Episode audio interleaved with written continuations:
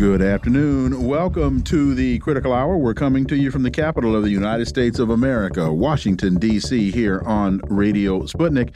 I'm your host, political scientist, author, and nationally syndicated columnist, Dr. Wilmer Leon. I'm joined here by my co host, political analyst, Garland Nixon. Thank you, Wilmer. For the next two hours, we will explore and analyze the salient news stories that are impacting the global village in which we live.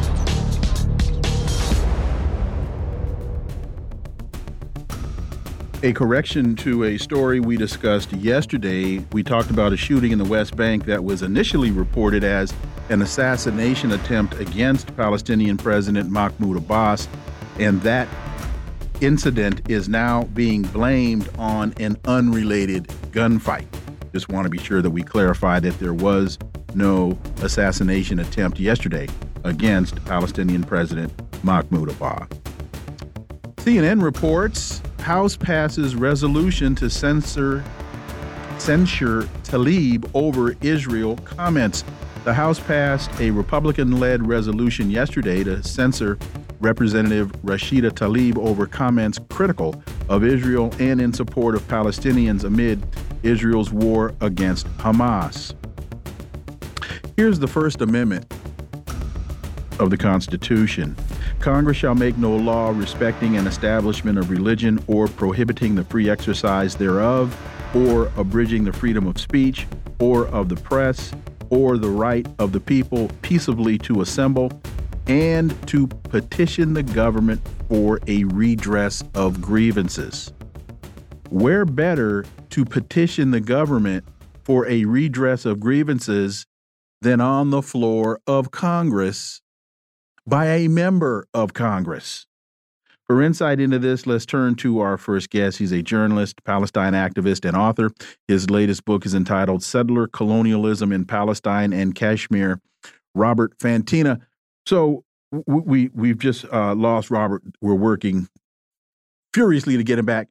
Uh, your thoughts, Garland? Again, uh, where better to petition the government for a redress of grievances than on the floor of Congress. And I think the important thing is when you look at the numbers, the vote was 234 to 188, mm -hmm. four Republicans opposing, and 22 Democrats voting in support of the censure. You know, and in the Democratic Party, we hear the stuff about supporting people of color, supporting minorities. This person is a particular minority. She stands up for a minority group, whether they agree with it or not. She's the only Palestinian American yeah. in Congress. Right.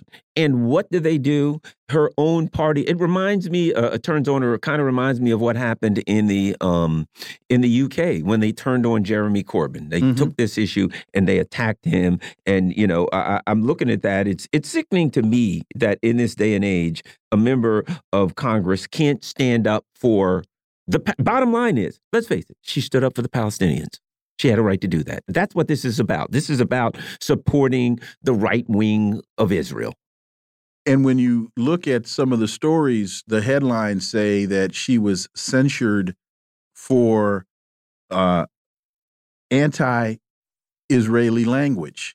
No, it was pro Palestinian language. And unfortunately, in too many instances now, my being pro me has to be interpreted as being anti you. Why can't I just be pro me? And but but because she's challenging the dominant narrative because let's look at some of the some of the things that she said. She said it's important to separate people and governments. No government is beyond criticism. The idea that criticizing the government of Israel is anti Semitic sets a very dangerous precedent. And it's been used to silence diverse voices speaking up for human rights across our nation. I can't believe I have to say this, but Palestinian people are not disposable. Well, how about this? They go on to say their resolution says that um, the chant from the river to the sea, and here's the really bad part. They said it's recognized as a genocidal call to violence to destroy the state of Israel. She's a Palestinian. Mm -hmm. In the last few weeks, 10,000 Palestinians or more have been killed, 5,000 of them children. And she speaks to that as a Palestinian, and they say she's the one that's doing a genocidal chant as 300,000 people take to the streets in Washington, D.C. It's so clear that the government of the United States is completely detached from the American people at this point. They don't, this democracy is done. This is no part of democracy uh, or representation of the American people. And here's the CNN headline House passes resolution to censure Tlaib over Israel comments. And I reiterate, no, those those were pro Palestine comments. Those were uh, anti genocide comments. And she is an American citizen of Palestinian descent who is in Congress. And if a member of Congress is not able to engage in this kind of debate, we're talking about using American taxpayer dollars to off to, to to to underwrite genocide. Yeah. If that is not a topic that is up for and worthy of debate on the floor of Congress, then I don't know of any debate that is. And you know, I've been following this, and this started over, um, I believe it was her complaints about, um, uh, oh, I, I just lost it. It was, but it was, it was. I can't remember okay. what it was. I just had it a second ago. But the bottom line was that uh, you know the idea that you can that you can complain about certain things. Mm -hmm. You can mm-hmm. gripe about certain things. You can argue about certain things. But there's one thing that you can't touch. It has a paradoxical effect where it causes people to start questioning that issue. It causes people to start turning against that issue when you say, you know, kind of like you say, you know what, whatever you do, don't read that book. Everybody wants to read the book. And when you start saying you can't complain about Israel or whatever this particular issue, it has a way of turning people against that issue even more so than they already are. Senator Josh Hawley. Now, speaking about don't oh, read that book. You know what? Let me let me say this. I just recall what it was. Yes. You know what this all started over? The hospital bombing. Oh yeah. When yeah, yeah, Israel, this yes. all started when the, there was a hospital bombing, and his Israel said no, it was the Palestinians that accidentally did it. And the New York Times ran an article that said, based on the evidence, it appears that Israel did it, and she spoke to her belief that Israel did it along with what the New York Times said, and they attacked her for basically saying exactly what the New York Times said. I think it was Israel, not the Palestinians. And that was the genesis of this whole we have to censure her for saying something. And it also appears like this the New York Times is allowed to say it, but she's Palestinian. She's not allowed to say it on the floor of Congress. Yeah. Senator Josh Hawley requests TikTok shut down over Gaza, quote unquote, propaganda. Hawley writes in his letter that the war is a crucial test case for the app's influence as a media organization and source of news as he expressed concern about what he referred to as the ubiquity of anti Israel content. Again, we go back to the First Amendment, and there's nothing in the First Amendment that speaks to what Josh Hawley is promoting. In fact, everything in the First Amendment is in direct contradiction to what Josh Hawley is promoting. And he is a U.S. Senator. And this, it's one thing if we look at this as an isolated incident, but we know, for example, what uh, Jake not what um the uh, the current um uh Blinken what what Tony Blinken did when when he was running the um the Biden campaign yes. and how he got generals to sign a letter saying that the story about the laptop was a lie and and now we know that was a lie this is an attack on our fundamental freedoms in our fundamental rights. We can't look at this as an isolated incident as it just relates to this current conflict between Israel and Gaza. Robert Fantina, your thoughts on uh, the Rashida Tlaib House resolution, Robert? Well, this is really quite shocking because what she said was that uh, the both the Palestinian victims and the Israeli victims needed to be respected that Palestinians are people too, and their rights have been denied for many years. Uh, this, is, this is what she said, and she was censured for that, uh, which is a very serious matter in the House of Representatives. It's really the most serious uh, punishment short of expulsion that, that can be given. So why why what was she what did she say that was so objectionable? What was the the issue? Is it is it wrong now in the halls of Congress to uh, express sympathy for uh, murdered children? Well, absolutely. It to be what Congress thinks. Ab ab absolutely, uh, uh, Robert. And as I brought up with Wilmer, this all started when um, the because uh, I followed it from the very beginning, and it all started with the hospital bombing. And she said the New York Times ran an article that said they felt that you know based on their uh, forensic evidence, it appeared that the Palestinians weren't the ones that the Hamas rather wasn't the ones that did it. That Israel likely bombed the hospital, and they went over kind of all kind of evidence. In fact, that the in, in, including the fact that his, that Israel said days before that they weren't going to bomb the hospital. Rashida Voiced what the New York Times said and that started and at that point they said she should be censored for saying stating the obvious. You're not allowed to say that israel did something even if the overwhelming evidence is that they did it. That's completely uh, unreasonable. And and before you respond robert one of the things that we that pointed out before uh, right as, as unfortunately the, the call with you dropped i read the first amendment.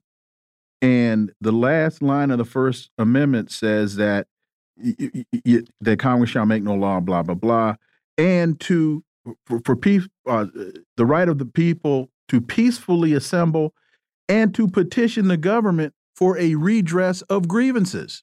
So, where better to petition the government for a redress of grievances than on the floor of Congress by a member of Congress? Robert Fantina. It seems certainly seems to make sense to me. And also, as Garland pointed out, the uh, the responsibility for the hospital bombing was it seems clear now that it was certainly Israel. All the evidence points that, and the fact that the New York Times, which is a very pro-Zionist publication, was willing to go that far and say yes, it was probably Israel, is certainly telling. And then uh, Rashid brought that up, said we need to this needs to be addressed. This is a war crime, and and she's uh, she's criticized for it. The reason is because the victims are Muslim and Arab, and they're not like the rest of us. And therefore, they don't have the same worth, they don't have the same uh, rights, and that's what that's what this uh, censure of uh, Congressman Tlaib is telling everybody. Palestinians are lesser than. Speak to this. I'll put this in quote language from the river to the sea that is one of the things that a lot of uh, uh, a, a lot of those that are attacking her are saying that she used anti-Semitic language. That when when a Palestinian says "from the river to the sea," that that's a rallying clarion call, a rallying cry. That's a battle cry. Uh, that is that is anti-Semitic. Oh, from the river to the sea, as she pointed out herself, is a freedom cry for the Palestinians. Uh, they say that this is, oh, this is saying that they want to destroy Israel. Let's look at some facts here. Uh, Palestine, whether it's Hamas or the Islamic Jihad or any other uh, segment of the Palestinian society, has no power to destroy Israel. Israel, on the other hand, has the power to destroy Palestine, which it's been slowly doing through its land thefts uh, over decades, and is now doing in Gaza. So, uh, a harmless and innocuous rallying chant from the river to the sea, Palestine will be free, is nothing that is going to uh, be an existential threat threat to Israel, and it's not anti-Semitic in any way. It is talking about freedom for all the people uh, from the river to the sea, not just Israelis. Well, the other thing is, it goes back to me think the lady doth protest too much, right? I look at this and I say, they're looking at the situation and they're saying, holy moly, you know, Israel has a hole punched below the waterline, as I like to say, number one. Number two, the people in the United States are in the street by the three hundreds of thousands in this city. They're protesting. They're saying, wait a minute, this violence against this group has got to stop. It's wrong. So they don't have the support amongst their constituents, even a majority of Republicans um, are in favor of a ceasefire. It seems to me that they're they're walking on thin ice and they're doing everything they can to kind of push this genie back in the bottle because it's getting out of control for them. Robert, I, I agree because the as has been demonstrated in many places, including Washington D.C., where I was on Saturday marching, the uh, the, the people in countries around the world are not supporting this genocide. Their governments are, and that's what uh, needs to. The governments need to start listening to the people that they that they supposedly represent. Listen to what they're saying and listen to their demands. This is genocide. The people of the United States, Canada, and many other countries are not in favor of genocide, although uh, uh, Joe Biden and uh, uh, Justin Trudeau and many other world leaders are condoning and even financing this genocide. They need to listen to the constituency. The United States is always talking about democracy and it's such a great democracy and Israel's a democracy and all this other stuff, but they do not listen to their people, and that's what a democracy is all about. Senator Josh Hawley requests TikTok shut down over Gaza propaganda. Hawley writes in his letter that the war is a crucial test case for the app's influence as a media organization and source of news as he expressed concern about what he referred to as the ubiquity of anti Israel content.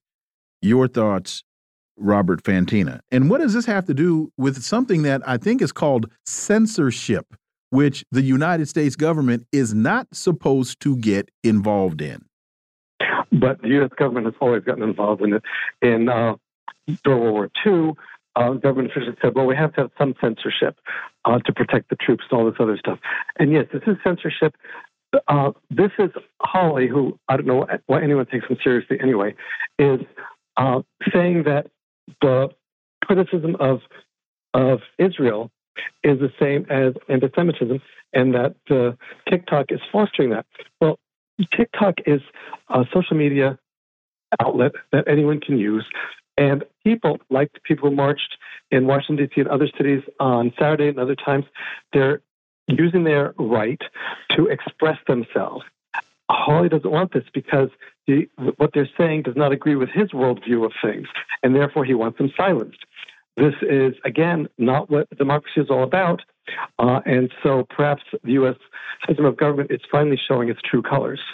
Well, you know, I think you're right. I think what's going on here is the U.S. is concerned. I mean, the entire world is turning against this. And when it initially happened, there were people that were quite concerned about um, Israel's that were Israeli civilians that were killed, and they said, "Hey, you know, look, uh, you know, a, a, a military target's a little legitimate target, but Israeli civilians were killed." And there was a a robust discussion about that, which is reasonable. We want a robust political discussion. And then when the the large amount number of um, civilians started be, being killed in Gaza, the world started saying, wait a minute, we can't make it take a stand against the death of civilians if they're Israelis and not do that for Palestinians. And it seems to me now that the government of the United States is getting afraid. The whole world's jumping on the other side, and they're getting concerned that, you know, they can't hold this thing up. Well, and there's one more thing here, and and that is the initial narrative was as though everything started on October 7th that that hit that that was really the first day of history. Right. And what people are now coming to understand is no, there's a 75 year history here and there's a there's a valid basis for the Palestinian position and that the United States is on the wrong side of history. And as that now starts to uh, penetrate or permeate the standard narrative, that now is resulting in 300,000 people. And I know there were 300,000 because I counted all of them on Saturday, that there were 300,000 people in Washington, D.C. protesting. And they're protesting in London and they're protesting in Germany and they're, they're protesting all over the United States. Robert. And, and they are protesting. And as you said, initially there was sympathy for the Israeli victims, and all victims deserve sympathy. But then when the victims became Palestinian, oh, well, not so much sympathy. That's what they deserve. This is, and you mentioned that people are recognizing it's a 75 year history. It didn't start on October 7th. The Secretary General of the United Nations has certainly recognized that in his remarks, which he was uh, widely condemned by the uh, many many people in Congress, including the U.S. ambassador to to Israel, uh, because he said that the people of Gaza have been deprived of their rights for too long, and that's that was the source of, of what happened on October 7th. So, the as you said, that that recognition is ever growing, and uh, Biden is losing the narrative and doesn't quite know what to do with that because uh, he expected uh, lockstep um, conformity with his view that all things Palestinian are evil and all things Israeli are good. And that's not what the world and certainly United States citizens are saying. They're saying something very, very different. I think another thing is there's some other questions that are starting to arise. One of them is this, and you know, I don't know if people like this or not, but this is a question I've heard.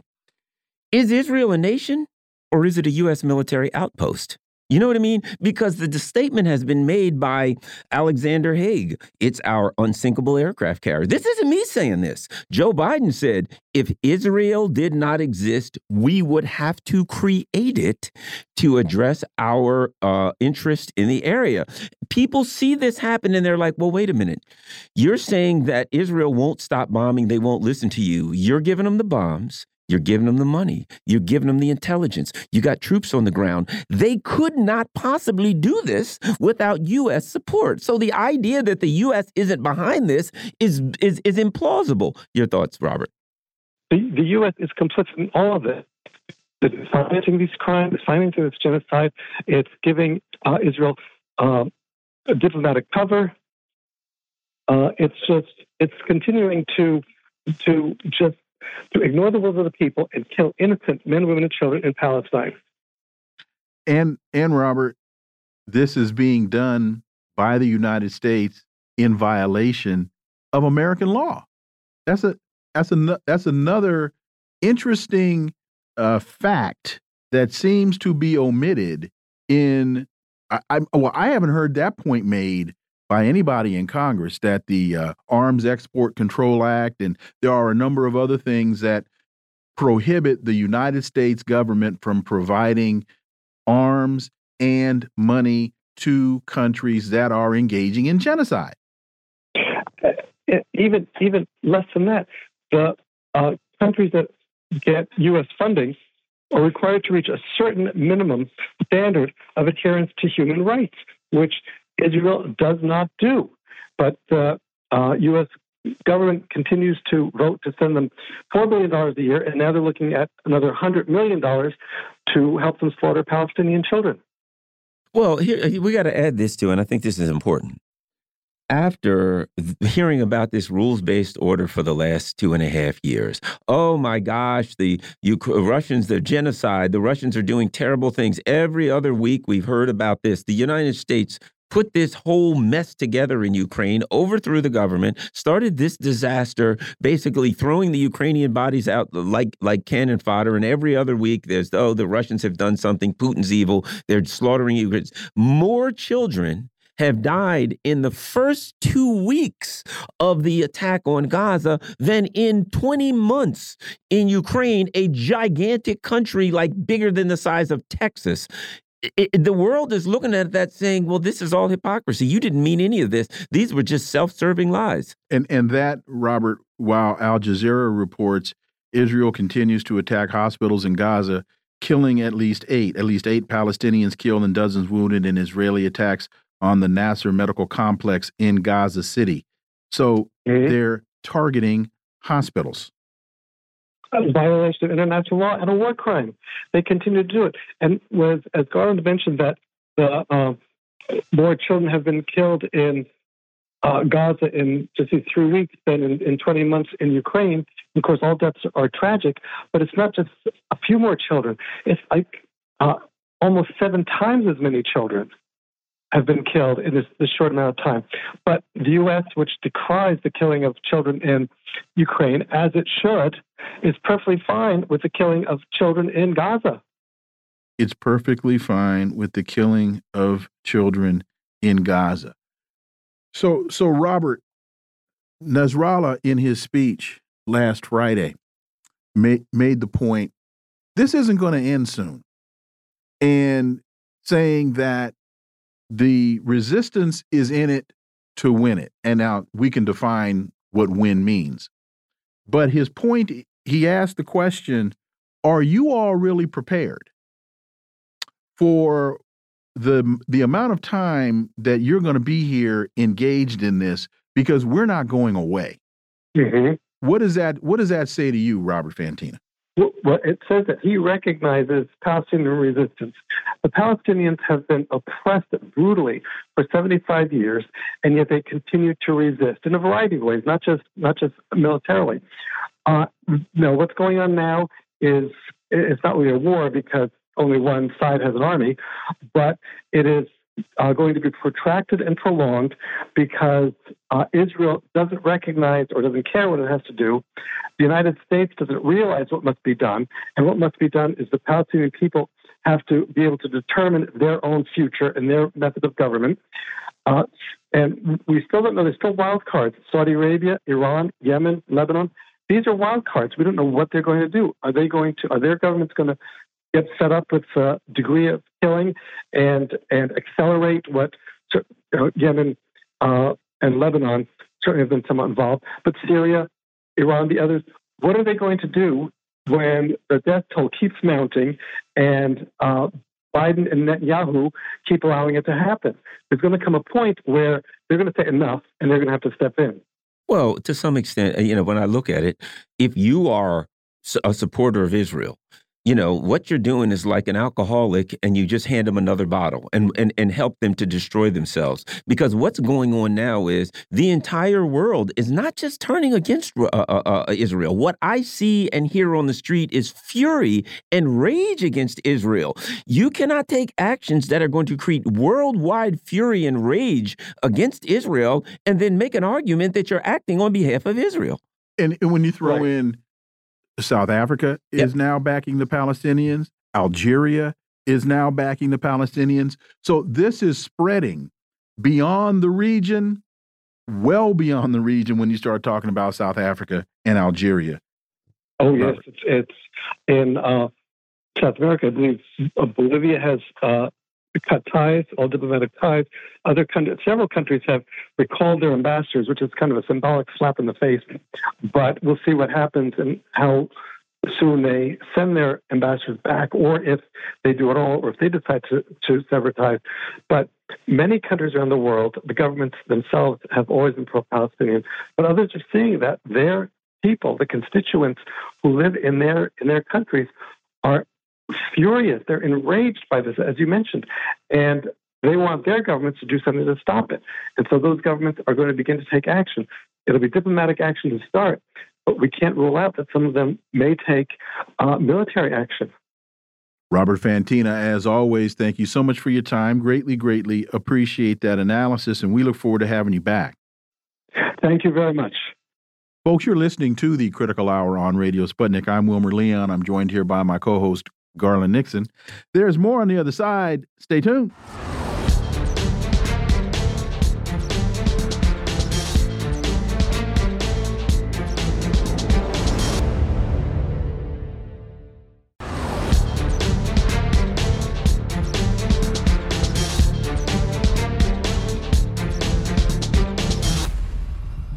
We are back, and you're listening to the Critical Hour on Radio Sputnik. I'm Wilmer Leon, joined here by my co host, Garland Nixon. Thank you, Wilmer. Consortium News has a piece by Tony Kevin entitled, Is an Endgame in Sight for Ukraine? There's been talk in Western media the past week of an alleged stalemate on the Ukrainian battlefront, leading to one report quoting U.S. officials saying it's time for Ukraine to accept it as lost and, and negotiate with Russia. Another Western report says a delusional Ukrainian President Zelensky is the lone holdout, however, and is refusing to accept defeat. What are we to make of all of this? Well, for insight, let's turn to our next guest. He's a professor of political science at the University of Rhode Island, the author of The Tragedy of Ukraine What Classical Greek Tragedy Can Teach Us About Conflict Resolution. And he is Professor Nicolai Petro. Sir, welcome back. Thank you. Nice to be with you. So, uh, Kevin continues the Oxford Dictionary definition of stalemate, either in chess, politics, or war, does not apply to Ukraine. Quote, a situation in which further action or progress by opposing or competing party seems impossible.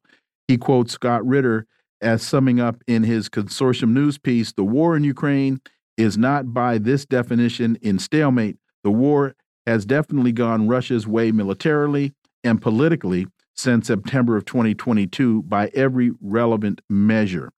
With that, Professor Petro, let me ask you this is part of the problem in terms of the analysis in the West is part of the problem that Russia is managing this conflict in a manner that is different than Western expectations of what of Russian behavior have been. Hopefully, that question makes sense.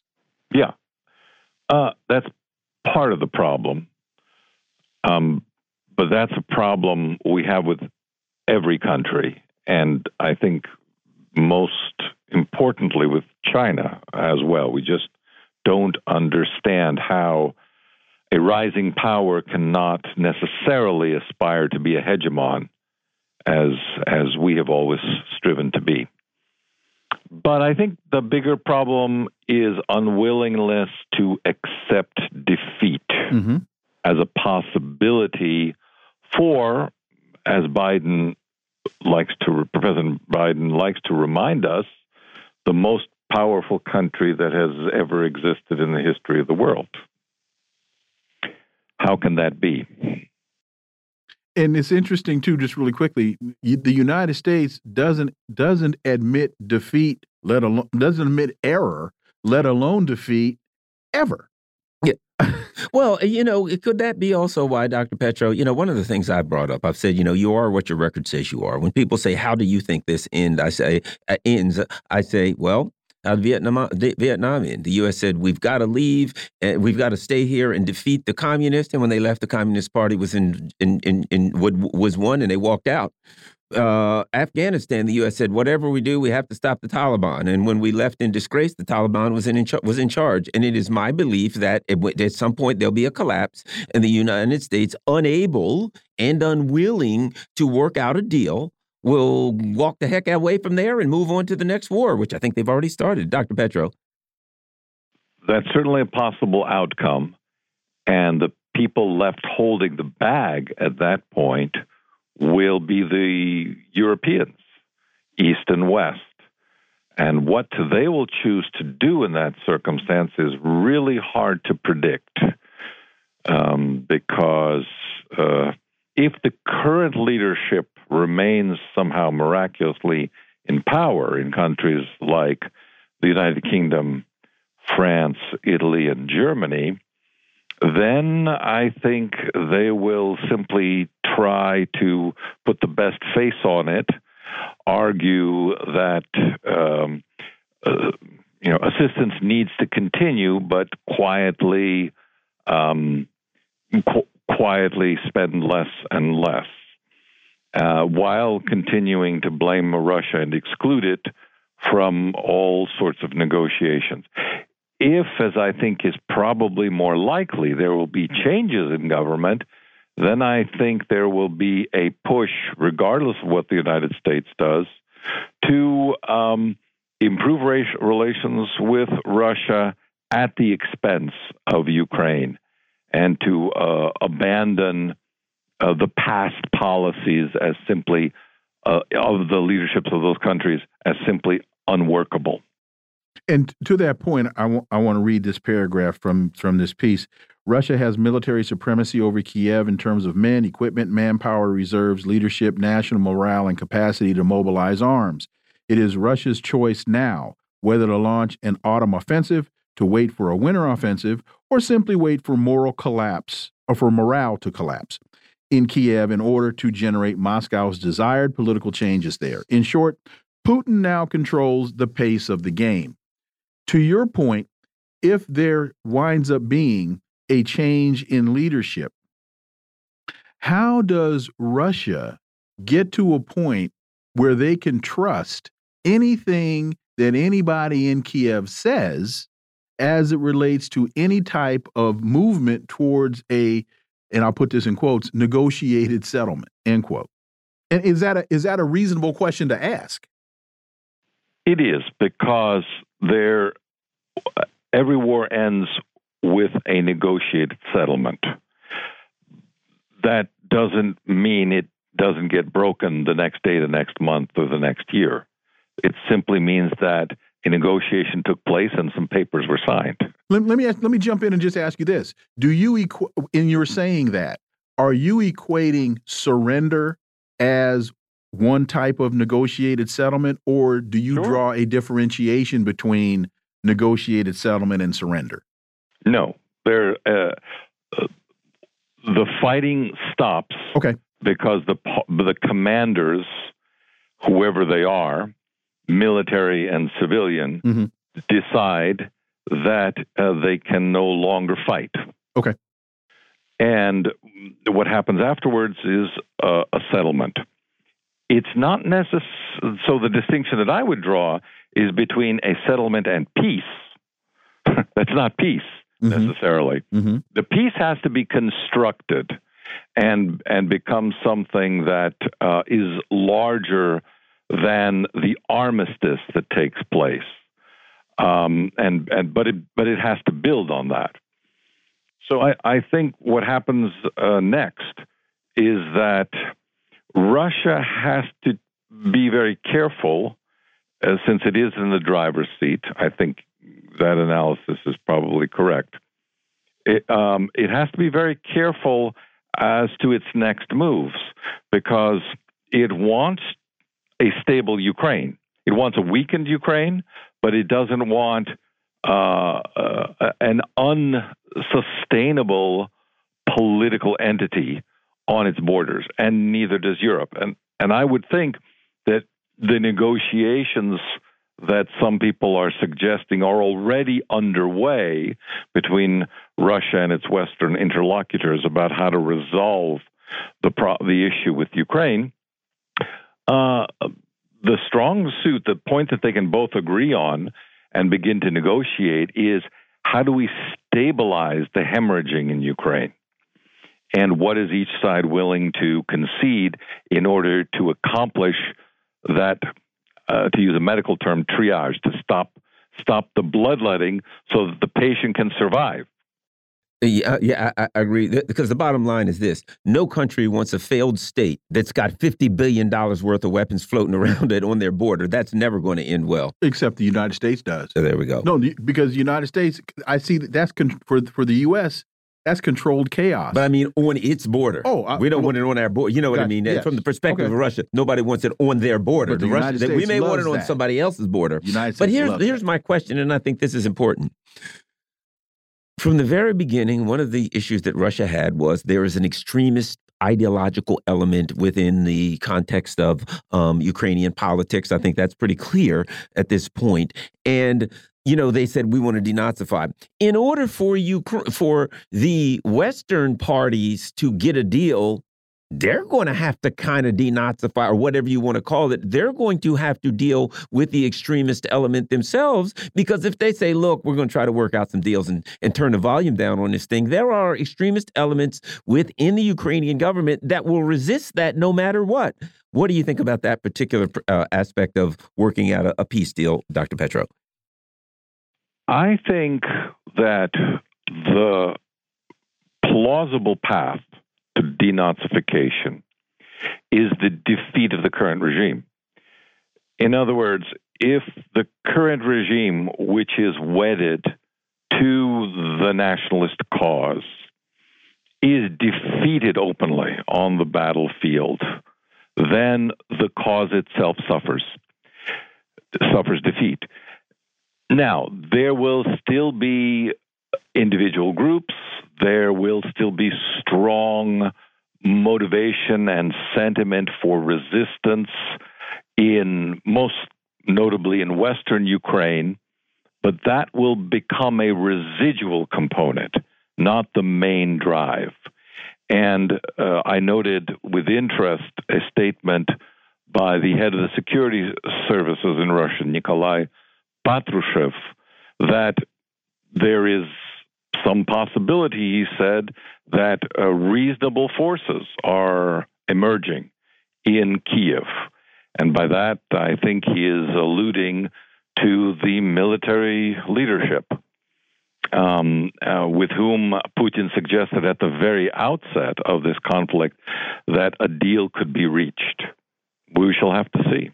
And you said that the nationalist elements would be defeated on the battlefield. What about the ballot box? As the United States has been floating the idea of elections, and we know that independent elections are not something that the United States supports. So, I, so how does how does how do U.S. interests factor and U.S. Uh, machinations factor into the election, the electoral process? Are, are you talking about elections in Ukraine? Or yes, yes, elections elections in Ukraine. Yes. Okay. So uh, so far, uh, elections in Ukraine be, appear to be off the table. Zelensky has said uh, they cannot be held under martial law.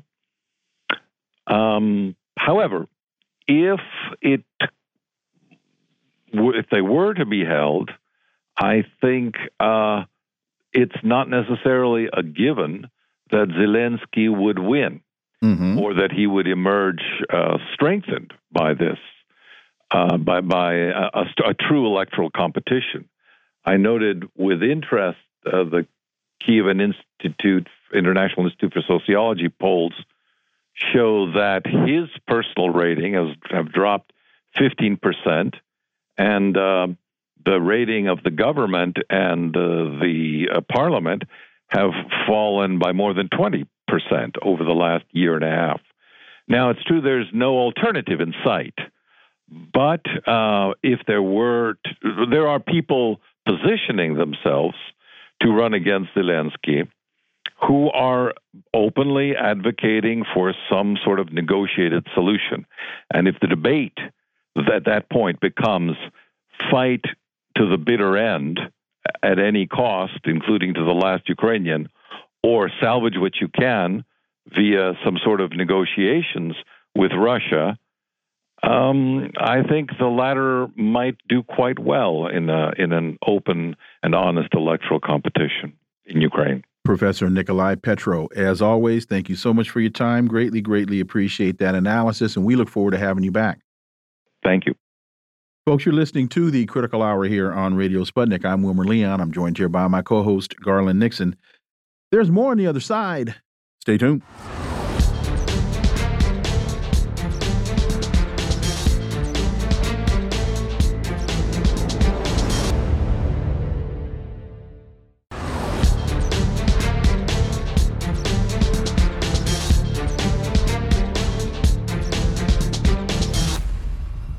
We are back, and you're listening to the Critical Hour on Radio Sputnik. I'm Wilmer Leon, joined here by my co host, Garland Nixon. Thank you, Wilmer. Truthout reports dissenting memo from State Department criticizes Biden response to Israel's attacks. Quote, we must publicly criticize Israel's violations of international norms, the dissenting memo states. Politico has obtained a leaked Department of State dissenting memo that expresses opposition to the U.S.'s official stance on Israel's genocidal war on Palestinians in Gaza. What does its content tell us and the fact that it was most likely leaked? For insight, we turn to our next guest. He's a retired senior security policy analyst, Michael Maloof. Michael, as always, welcome back. Well, thanks for having me. So, the memo, which was authored by two mid level department staffers with experience working in the Middle East, questioned U.S. policy on two fronts. First, the government's refusal to express support for a ceasefire in the region, and second, the administration's refusal to publicly condemn Israel's relentless bombing of civilians in Gaza. Quote, we must publicly criticize Israel's violations of international norms, such as failure to limit offensive operations to legitimate military targets, when Israel supports settler violence and illegal land seizures or employs excessive use of force against Palestinians, we must communicate publicly that this goes against our American values so that Israel does not act with impunity. Michael, your thoughts on this, and as I posed in my introduction, what is this? What does the content tell us about the State Department's positions on uh, Blinken's policies and the fact that this was leaked? Well, thanks for having me. Uh, this is this is normal. Uh, whenever you have a policy issue, there's uh, there, there are means of uh, and ways for dissents to be uh, aired internally. Uh, the fact that this was not classified but sensitive, obviously someone let it let it let it out. But um, but but it's normal. I, I I too, when we heard back in 2003 of of uh, the whole WMD silliness with Iraq, I wrote a dissenting memo on up. but but in the Defense Department, sometimes they they tend to take it more personal and isolate you and and and take and take action against you which i uh, which i uh, encountered so it's um, uh, if you're not a member of the team type of thing but the fact that this has gotten out i even though it went up to uh, their their policymakers I, and it it, it suggests that uh, they would have encountered this probably the same thing and that's probably why they exposed the memo for um, for uh, insurance, if you will, and and and and uh, and I understand that their names were attached. So that um, makes a um, uh, that, that that's that's they're trying to protect themselves a little bit as whistleblowers, in effect, uh, in their dissent. But uh, we we used to dissent. We used to offer opposing views all the time on on on uh, particular questions. Uh, but uh, dependent upon how serious the issue is, um, uh, as in this case, and actually challenging a an entire policy position, sometimes higher ups tend to take derogatory action against you. It, you mentioned in the Pentagon they they tend to take things personally and take action against you, and you said that mm -hmm. you were a, a victim of that. That I was mm -hmm. having we were having a conversation with Scott Ritter a couple weeks ago, and I asked him the question. I says, "Man, yeah. I, I said how." I said, "You're sitting in these meetings, and this idiocy is being bantered about as though it makes sense." I said, uh, "You know." Uh, how do you not raise your hand? And he says, he says, Wilmer, if you do that, the meeting will be ended. The, I'm trying to be as close to his phrasing as the meeting will be adjourned an email will be sent out rescheduling the meeting, and then you won't be on the distribution list of the rescheduled meeting. He said, the, the, these are not deliberative events or processes. And if you think they are, you are sadly mistaken. Y your thoughts? Mm -hmm. Well, he's he's absolutely correct. They will tend to isolate you in your position. They can't fire you because you could go to Congress and be declared a whistleblower. So it it it, it opens up a whole new realm of um, of of uh, raising raising concerns about something. All that the higher up sometimes want are people. Uh, they just want to be surrounded by yes people, rather than offering substantive uh, reasons why a certain action should or should not be taken. Now, in the case of this memo, I don't know if they offered uh, cogent arguments against existing policy. I haven't seen the whole memo, but it it um, it it does uh, suggest that uh, even any dissent is going to isolate you and and and and and uh, point point fingers at you, and particularly during a time of war. I mean, when I was dissenting, it was on the eve of uh, the U.S. attack on Iraq, so it was in 2003, in March of 2003. So that really so tensions were high anyway, and everybody's all stressed out anyway, and so uh, you're automatically equated with that of being the enemy. and and uh, that's that's a heck of a position to be in, especially when you're trying to offer um, uh, valuable information that could sway or uh, uh, their their their uh, their policy position, or uh, in my case, to help try and prevent a war. So, and so it is what it is, and we move on uh, Chris Hedges report, he writes, "We're a war machine as a nation." Now he says a lot of things: war over healthcare, war over housing, etc. But, but I think to sum it all up, we see our infrastructure collapsing. We see, you know, the the I mean, the whole go look at San Francisco, look at most of the cities, the homelessness, the despair, the drug abuse, on and on and on. We see our country crumbling, and every other week it's a hundred billion for Ukraine, Taiwan, etc and we've become a country that just um, total and complete neglect for the, the the nation, and all the money goes to the to the uh, to the war machine. Your thoughts? Well, I think uh, in the past two and a half years, that's the trend. The trend we have seen. the I haven't found one thing that this administration has done that has benefited the American people. Not one. I, who what what country in the world ever gives up their energy independence? Who opens up their borders? I mean, if if if if uh, Biden is so content with uh, tearing away the, the southern border, why doesn't he tear tear off tear down that wall surrounding the White House and let the Palestinian hordes, uh, uh you know, rush rush the White House if he's so if he wants all all kinds of freedom? I mean, the the the the ability of this administration to think logically and to consider it, it's it the people that it serves first is is not occurring. Yet we saw last night Democrats won a lot. I mean, what I don't understand how this uh, is happening. Something is wrong, and when you see films and what have you of people stuffing ballots, and and it's not challenged.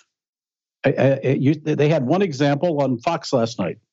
Uh, th- that probably is going on in a lot of other places, and yet no one wants to talk about it and if you try to bring it up, you're spreading disinformation. Well, some, there is something to it.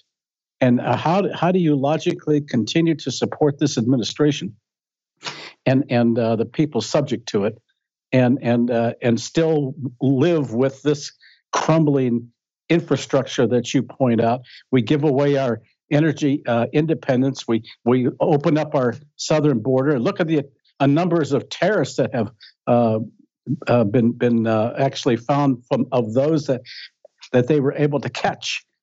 I think there's something like uh, two, three hundred thousand that they haven't gotten. So um, the gotaways, who among them are involved in this thing?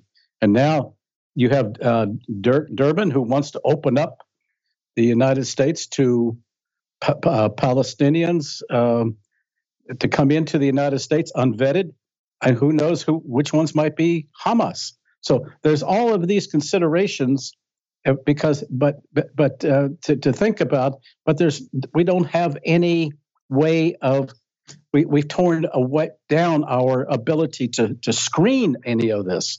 Let people in sure but in a in a uh, a logical uh, orderly way and through a process. That's what we used to have and it all has basically gone away let me say this too. Recently, uh, when the Ukraine conflict started, I forgot how many hundreds of thousands of Ukrainians were immediately brought right in, brought to the top of the line, brought in, right? So, what we do is we go out and we start a war, and then we bring in a bunch of the refugees or people from the war. So, I guess next thing you know, we'll have uh, half a million people from Taiwan as we wreck that country to pieces who will be who will be brought in. well, there's something there's something else going on here, and it's probably much more uh, sinister. Um, I think as people leave the uh, when you look at the polls that are showing increasing numbers of blacks and and and uh, Hispanics becoming more conservative, they leave the dominance and control of the of the inner city environment and and and and go out on their own. Consequently, the Democrats need to somehow replenish that, their supply of basically economic serfs today.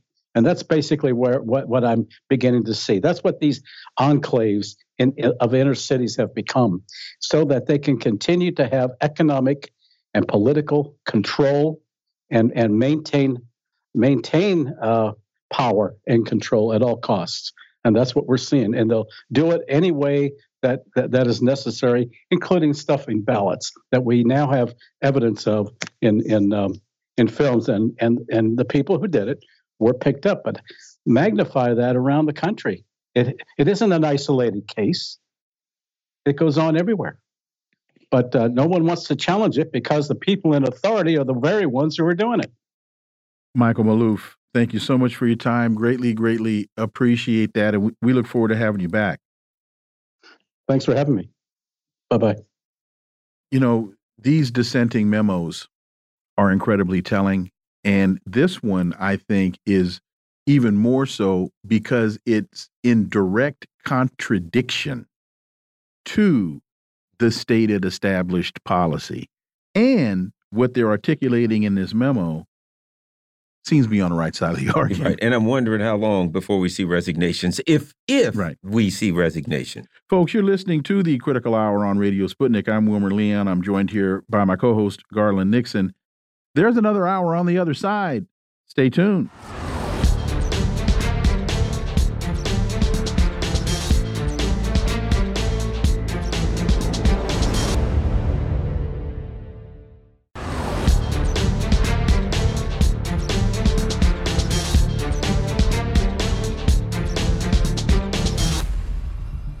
We are back, and you're listening to the Critical Hour on Radio Sputnik. I'm Wilmer Leon, joined here by my co host, Garland Nixon. Thank you, Wilmer. Sputnik International reports Biden's waning support among non whites and progressives may cost him presidency in 2024. President Joe Biden has been bleeding support among Hispanic and African American voters for quite a while, which may become a big problem for his 2024 reelection bid. For insight into this, let's turn to our next guest. He's a political cartoonist, syndicated columnist, and co host of Sputnik's The Final Countdown, Ted Rall. As always, Ted, welcome back. As always, it's good to be here. So, this uh, piece continues, the Sputnik piece continues. Biden won the support of over 70% of Hispanic and Black Americans in 2020. In particular, exit polls from 2020 demonstrated that Biden led his rival Trump by 87% to 12% among African Americans and 65 to 32 among Latinos. However, a series of surveys carried out over the past year have shown that the U.S. incumbent president's backing among those groups is on the decline across ages, genders, and education levels. This is per Axios.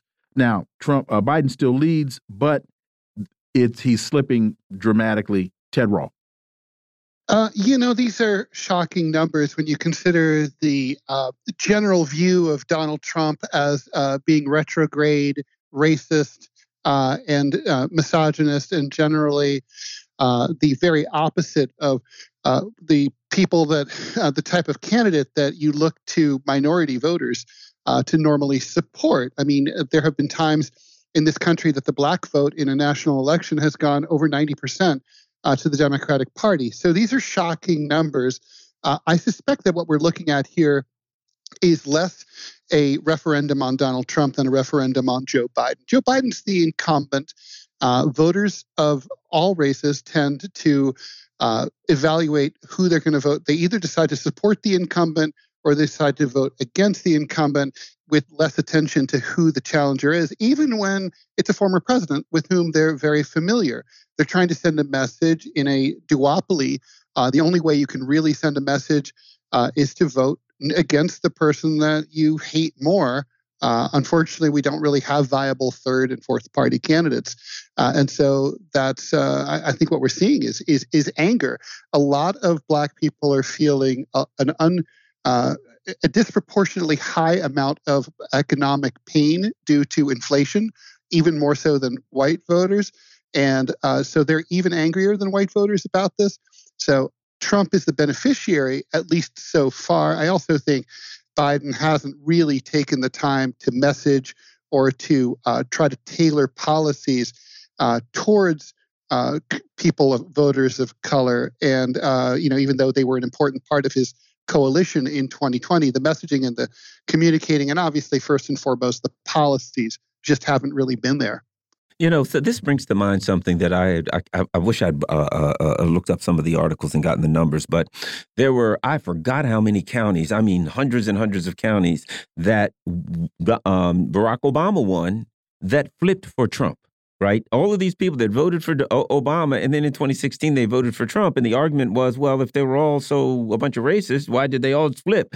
And I think it comes down to this: when it comes down, I've heard this in the black community myself recently. People talking about, well, you know, when Trump was in, gas prices weren't as high. Well, when Trump was in, chicken wings weren't as high. This wasn't as high. That wasn't as bad. Uh, there was so there's a reminiscence that doesn't have to do so much with Donald Trump, but the fact is this guy was president for 4 years and during that four years, my life was not as bad as it is now. And I had felt like I had a better future and I wasn't scared of getting nuked. And so, regardless of whether I like this guy or not, from a selfish perspective, things were better under him. And in the same way that people can flip from Obama to Trump, they can flip from Biden to Trump, they can flip from anybody to anybody if they say, I'll hold my nose and vote for anybody, whoever in my perspective, might give me the better chance of having a, a better exist personal existence. Ted. I, I agree with that, and I also have an, uh, you know, I have a theory. I wonder what you guys think about it, which is that Trump, who's obviously a, a extremely privileged uh, billionaire, at least he is a billionaire now. Um, you know, he suddenly has made himself more relatable to people of color and working class people, precisely because the system is really going after him, right? I mean, the lawfare, all the indictments. Uh, I think most, even most Democrats have said, to, have told pollsters that they believe that these, many of these charges are politically motivated, uh, and so I think for people who are have a more jaundiced view of the system and the criminal justice system, people who've had uh, been more likely to be discriminated against and mistreated uh, and insulted by, for example, law enforcement. Uh, and I, I think they're more, they probably find Trump may be a little more relatable than he used to be, even though obviously he lives in Mar-a-Lago and owns properties all over the world and has his names on buildings. And, uh, you know, he, he's not like you and me. Uh, it's sort of like, well, they're picking on him. And uh, I know what it's like to be picked on. Well, I think there's an awful lot of validity uh, to your point because one of the lines that Donald Trump loves to cite is they're coming after you through me. He he makes himself out as a martyr uh, in a in a in a populist cause, and there's I think that resonates with an awful lot of people who find it increasingly more difficult to put gas in their car, put it in find it increasingly more difficult to afford a gallon of milk, and as they're watching their uh, their existence uh, evaporate around them. And you look at the at the infrastructure decline. I mean, there are so many things that as the country has turned even more into a war machine than in the past, and now we're sending all this money to all these other countries, and we're we're, we're having increasingly more more difficulty uh, affording to do things here. All of those types of things are, to a lot of people, are evidence to the validity of Donald Trump's claims. Yeah, no, that's. Uh, I think that's right. And uh, even though, of course, uh, when I hear him say, you know, they're coming uh, through me to get to you, I suspect he's mostly talking to a uh, white audience, a oh, white course. Mm-hmm. conservative mm -hmm. audience. Uh, and so, but you know, that's the great thing about smart political messaging is you can project yourself into uh, what a politician is saying, and you and you can think that they're talking about you. So um, I, I, I do think that there's something there, um, but basically, well, wait, hang on, wait, hang on, Ted. The, hang on, Ted. Let, let, let me let me throw this in there. There are different there are different constituencies here, and they can vote for the same guy for different reasons. So you're right that's true. The, you're right. The, the the the folks that he is speaking to, he's not talking to the black community. He's not talking to the uh, Hispanic community, especially when he said that most of them that are coming over the border are rapists and thieves, and they're going to take your wives and your kids. Uh, so that 34, 35 percent of loyal people, most of those people are white, and that's who he's speaking to. But the rise in support for him uh, within the uh, communities of color is not, as you said earlier, it's not really support for him. It's not a pro Trump vote. It's an anti Biden vote by a group of people who feel that they are wedded to the system and voting is their obligation, as opposed to a number of other people, a growing number of people that Garland referenced, who are saying, I'm going to stay home and rake leaves. So and what what's funny is that that's been the cycle that's been the pattern for you know at the last few cycles at least right? I mean donald mm -hmm. trump came into power. Uh, hillary clinton was effectively the incumbent because obama had just finished eight years and he and she was his uh, secretary of state. Uh, and so people didn't vote for trump. They voted against hillary the person mm -hmm. they knew better uh, and didn't like. Same thing in 2020 joe biden apparently thinks that we all loved him. No he won because he wasn't donald trump and now Trump's going to win, maybe because he's uh, not not Joe Biden, and on and on we go. But, but Biden people are promised a hell of a like. lot. But people voted for Joe Biden because he wasn't Donald Trump, and Don, and Donald Trump was just be, becoming nauseating in terms of just his personality. But think about the things that Joe Biden promised and who he promised those things to. He knew, and Garland and I have been saying this, he knew what to say. He knew the programs to promote. And one of the reasons why his numbers are in such a rate of decline is because we're now looking towards 2024 and looking at his record. And as Stevie Wonder said, you haven't done nothing. Uh, Ted, let me throw this at you. Well, uh, uh well, go ahead, Ted. I got one more. Well, I was just going to say, uh, I wanted to riff on that. I mean, I was thinking about how Biden appropriated uh, a lot of Bernie Sanders' uh, top platform planks uh, in order to co- sort of bring the progressive wing in with the, with his corporatist centrist wing of the Democratic Party and form that that coalition. Uh, you know, he he uh, pretended to support an increase in the minimum wage, uh, student loan forgiveness. Uh, he didn't really have much to say about health care, but he but the other two, and then you know he sort of made some uh, flaccid kind of attempts to uh, pretend to move, make some executive orders, but nothing really happened because uh, they didn't, you know, they didn't go through Congress and the courts weren't on his side. Um, and I think now people are saying, well, you know, you didn't try. Democrats can say like, we tried. Sorry, we tried isn't good enough. People look for results. Here's the other thing, Ted, that, that the problem they have. Donald Trump has a body of work, right? So Donald Trump says, you know, uh, sick of all these wars. And a lot of people are like, yeah. And he's like, I was president for four years. Were there any wars? Well, no. Hey, boy, what about all this inflation? Yeah, I hate this inflation. I was president for four years. How was the inflation? Well, it wasn't there. You, see what I'm saying? If you, if somebody flies a plane and they fly you from New York to Chicago and it's perfect and you land and everything's sweet and you get out and they say, yeah, that guy's terrible. He's a drunk, a cavorting person. He's the worst person in the world. And you're like, yeah, but it sure was a smooth flight. Well, we got this other guy. He's going to fly you back. He's a saint. He's the most wonderful guy, but he's not so good flying planes. Give me the guy that can get me to Chicago and back alive. I'm not saying that's Trump, but I'm saying the fact that he has a body of work. And when you compare that to Joe Biden, I'm sorry, I'm not saying it's Trump's fault or his that he did it. I'm just saying he was sitting in that chair for four years. And when you compare those four years to Joe Biden, uh, Trump, Trump, Trump wins. Ted. Uh, I agree with that. And, you know, uh, Donald Trump's biggest uh, ally and also his biggest enemy is, of course, his big mouth. Mm-hmm. And yes. Uh, part of the resurrection after January 6th of Donald Trump, uh, ironically, was handed to him by the social media companies that shut him down because people forgot the one thing that they really disliked about him, which was his personality, uh, because they didn't hear from him, and uh, and so it all became about Biden.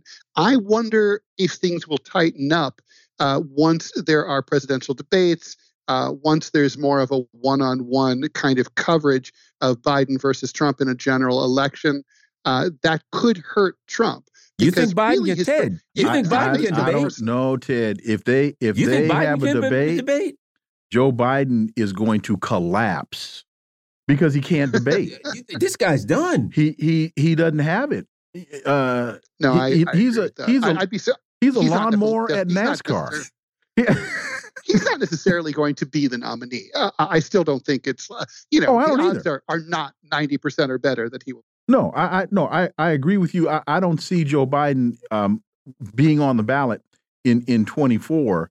Uh, but but right now, this is this is who we this is who we have before us. But no, he's a he's a tractor mower at a at a NASCAR race. And, and, it, and you know what else I think? Those numbers, the the, the Latino vote, the black vote, etc. They ain't going back up. They're not no, going to wake up and say, done. "We changed their mind." The, Arab, the Arab oh, Americans? Oh, no, no, they're not. No, no. He's on a trajectory. And, Let's here, call and, it. And, and here's something really quickly that that people need to understand, because as these numbers drop, Democrats are going to blame these communities as though they're mindless, as though they're. one of the black ladies already said, a congressman, she said, one, I forgot her name. She said, yeah, black people don't understand. Right. They understand. They understand really, really, really well. They understand perfectly. They under perfectly understand. They really understand. I can't understand. Pay my, the rent's too damn high, they, or whatever it is. They understand this is the, the, these communities aren't stupid. These communities are incredibly practical and they're looking, their politics are incredibly practical, and they're saying, Joe, you promised this to me and you haven't delivered. Ted, we got about a minute. Well, he, he, here we go again. Like it's like the Charlemagne the God interview where he said, you know, if you don't vote for me, you ain't black, or some variation of that. Right. Uh, you know, when you take voters for granted, uh, they don't like it. I Hillary Clinton. who they are. Black community is no exception. Ted Rall, as always, thank you so much for your time. Greatly, greatly appreciate that analysis, and we look forward to having you back. Looking forward to it myself. Folks, you're listening to the Critical Hour on Radio Sputnik. I'm Wilmer Leon. I'm joined here by my co host, Garland Nixon. There's more on the other side. Stay tuned.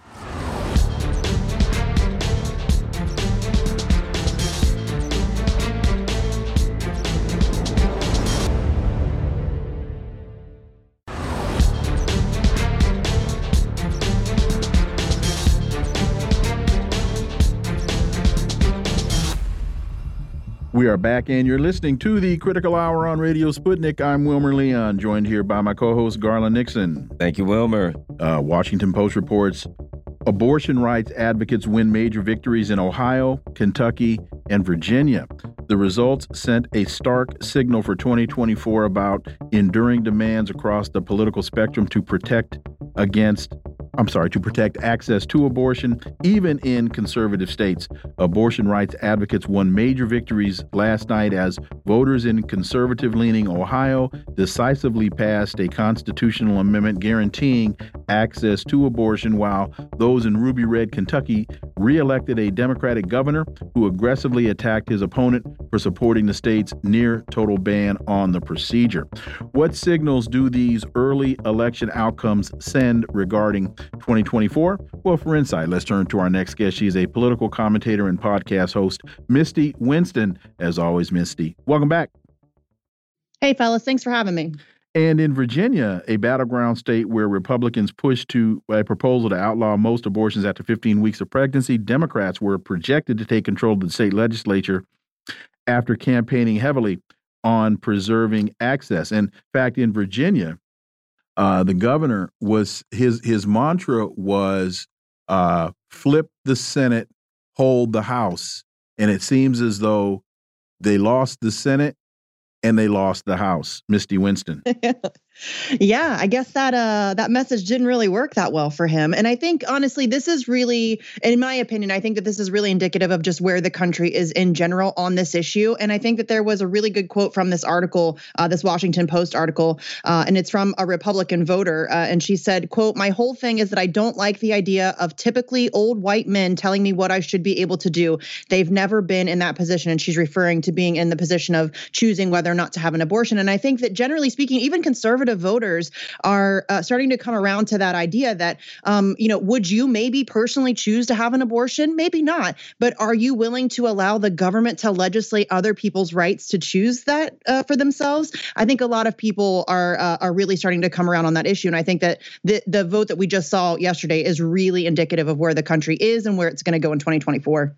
And I think this is a perfect example of be careful what you pray for, you might just get it. In that the Republicans have made hay for many, many years on the abortion issue, saying, you know, we, if you give us a chance, we'll stop abortions, blah, blah, blah. And I think a lot of their supporters were like, yes, but there was a large portion of female supporters that were like, ah, but we'll ride yeah. along with this because we really don't think it will happen. And once it actually happened and they got what they wanted, now the reality has come home to a lot of conservative women who are saying, I'm not really down with this. And, and, it, and it's costing them. Your thoughts? Yeah, no, I absolutely agree. And I think that, I mean, again, I'm in Ohio. And so uh, we have a very a situation that is exactly what you just described. We have Governor DeWine, uh, who had the heartbeat bill where it was going to restrict abortion after six weeks. Uh, and that was passed. And it was, I mean, it's been tied up in courts for a couple years now or whatever. But I think, uh, you know, he he ran on that. Like that was his big thing was, we're, you know, we're going to do this. Uh, and then when it was done, very suddenly the mood changed. And I think that now we're seeing with this vote that we had yesterday, it passed uh, pretty decisively in Ohio. Uh, and it now is going to be enshrined in the state constitution, which will be incredibly difficult for them to walk that back at this point. Um, so yeah, I think what you just, just described is uh, is is absolutely accurate. I think a lot of people thought that's what they wanted, uh, and then when it actually happened, they were like, "Wait a minute, this isn't a great deal for us." Well, in fact, one of the one of the elements that conservatives kept saying was, "Leave it to the states." Yeah. Leave it to the states. That that was well, that's big, what they got, and that's exactly what yeah. they got. And now yeah. in Ohio, it's been left to the state, and now it's guaranteed in the state constitution.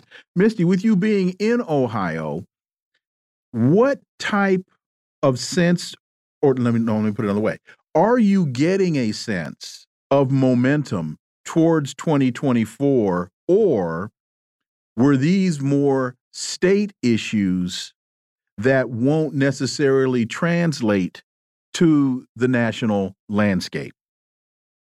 Wow. Well, I think a lot there's a lot of variables that go into that if you're if you're talking about, you know, like the, the, the federal election, the presidential election because I think Joe Biden is a mess and I think everybody knows it. I think even his own party knows it. And so I think that if he is in fact the nominee, which I'm not convinced that he will be, I think they're going to try to find a way for him to bow out gracefully. Um, but if he is the nominee, I think that that is going to play very heavily onto voters' decisions.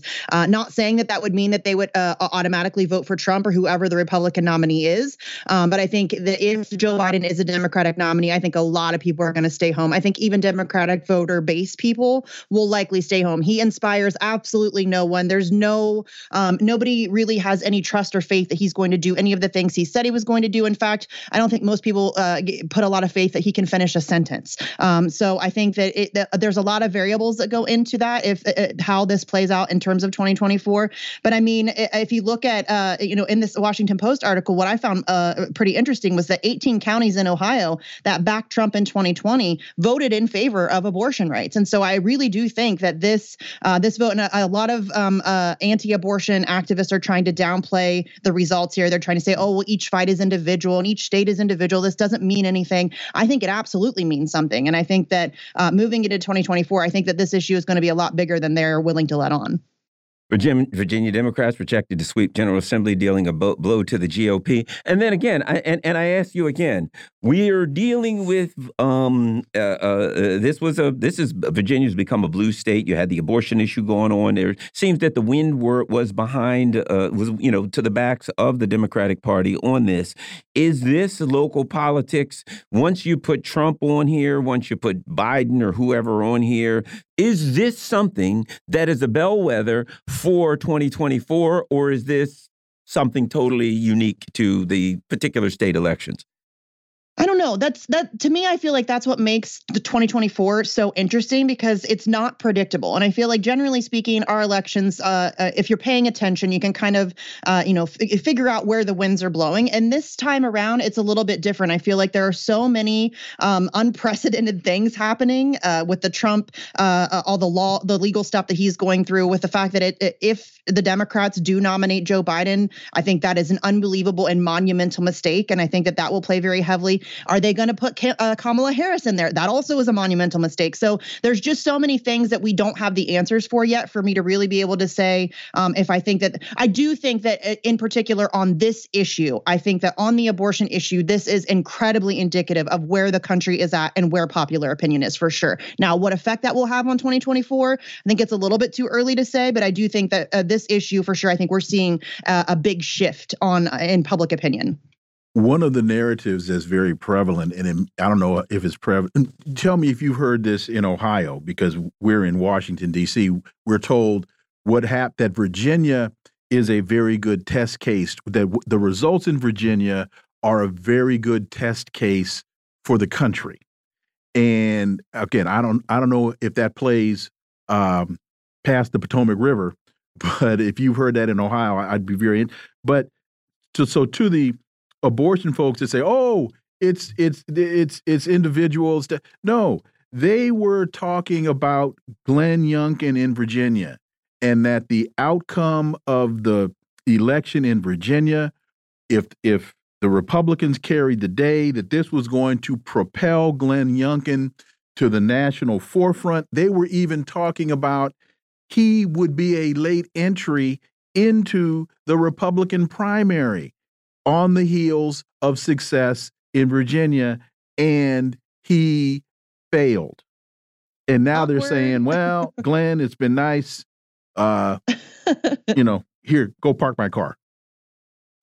Yeah, for sure. And I think that listen, I think the people that say that Virginia is indicative of, you know, where the country's going to go. I think uh, there are two kinds of people who say that. Virginians and people Democrats, people who like the results that they saw and so they want to uh, project that this is going to be uh, you know, uh, the the the the flag of where uh, the where the flag is going to fly from here on out. Uh, because I hear a lot you ask if I hear that in Ohio. I hear a lot of people in Ohio say that Ohio is indicative of where the country's going to go. So I feel like a lot of people who liked the results from yesterday will say that that this is obviously uh, going to work in their favor. But I just I really feel like um, this this vote on abortion is indicative of where the country is on this issue. Again, I don't know to what extent it will have or what what um, what kind of uh, impact it will have on the actual 2024 elections. I think that um, it will certainly play a role. I just don't know how heavily it will play a role, and I also don't know how heavily a role it will play that Democrats have failed to codify Roe v. Wade for decades. I think that um, Republicans are certainly going to play that card a lot uh, because that's their uh, that's their uh, their combat back to um, you know uh, uh, them pushing it back to the states, and they're going to say, look, see, we pushed it back to the states, and now everybody's passing it like we were the good guys. I think there's going to be a lot of back and forth on that. Um, so I don't know if uh, what happened yesterday is going to be super indicative of the 2024 election if people are going to vote Democrat or whatever. Um, but we'll see. I mean, it's going to be th- this election to me, and I'm not somebody who really cares all that much about electoral politics, but this it's uh, it's certainly entertaining to say the least. Yeah, I would say this. This is cultural issues, definitely cultural issues. Now, there are times when the election is about cultural issues, such as in 2004 when the Bush people rallied their supporters with gay marriage. Remember that? That was the big thing in 2004. They used gay marriage to get a lot of people to the polls. So there's times when the cultural issues are.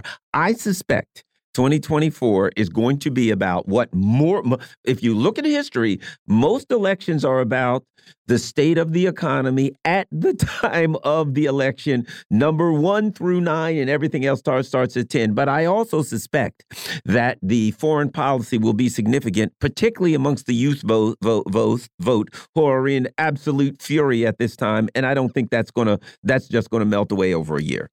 Your thoughts no, you're absolutely right, and I think that uh, you know, again, th- these cultural issues are they important? I mean, to some degree, but I think you're absolutely correct. I think that most people are more concerned about whether or not they can feed their families and can afford to go to the doctor. And so, I think the economy is absolutely going to be, as you said, one through nine, and everything else starts at ten. That's absolutely correct. Um, so, I it will certain these kinds of things will certainly have an impact. Um, I just don't know to what extent uh, as of yet, and I think that for sure, foreign policy is going to be on the forefront of everyone's mind. And that is a big problem for Democrats because uh, Trump voters have been saying eh, they try to pretend as if he's a peaceful president. He was not. That's absurd. Uh, but certainly he didn't have us in a conflict with Russia, a conflict in uh, uh, the Middle East, and with Taiwan on the back burner. So I think that people are very hyper aware of that situation, how much money we are spending on all of these wars and all of this conflict. Uh, and that is definitely going to be something that people are concerned with. So I think even it might it might not even be one through nine. I think the economy might be you know one through six, and six through nine is foreign policy, uh, and then everything else is a, a far distant uh, concern. So uh, uh, that's going to be the big thing. And I think if that's the case, um, and again, it depends on who the nominees are, but I think that very significantly, Democrats are in a big heap of trouble. You know, in September, we had the David Ignatius piece that Biden shouldn't run. Then earlier this week, we've got David Axelrod saying that Biden shouldn't run. And uh, there was another piece, I think, last week, an, an op ed saying uh, Biden shouldn't run. And now we have the Washington Post. This is George Will. It beggars belief that Democrats will keep sleepwalking ahead with Biden.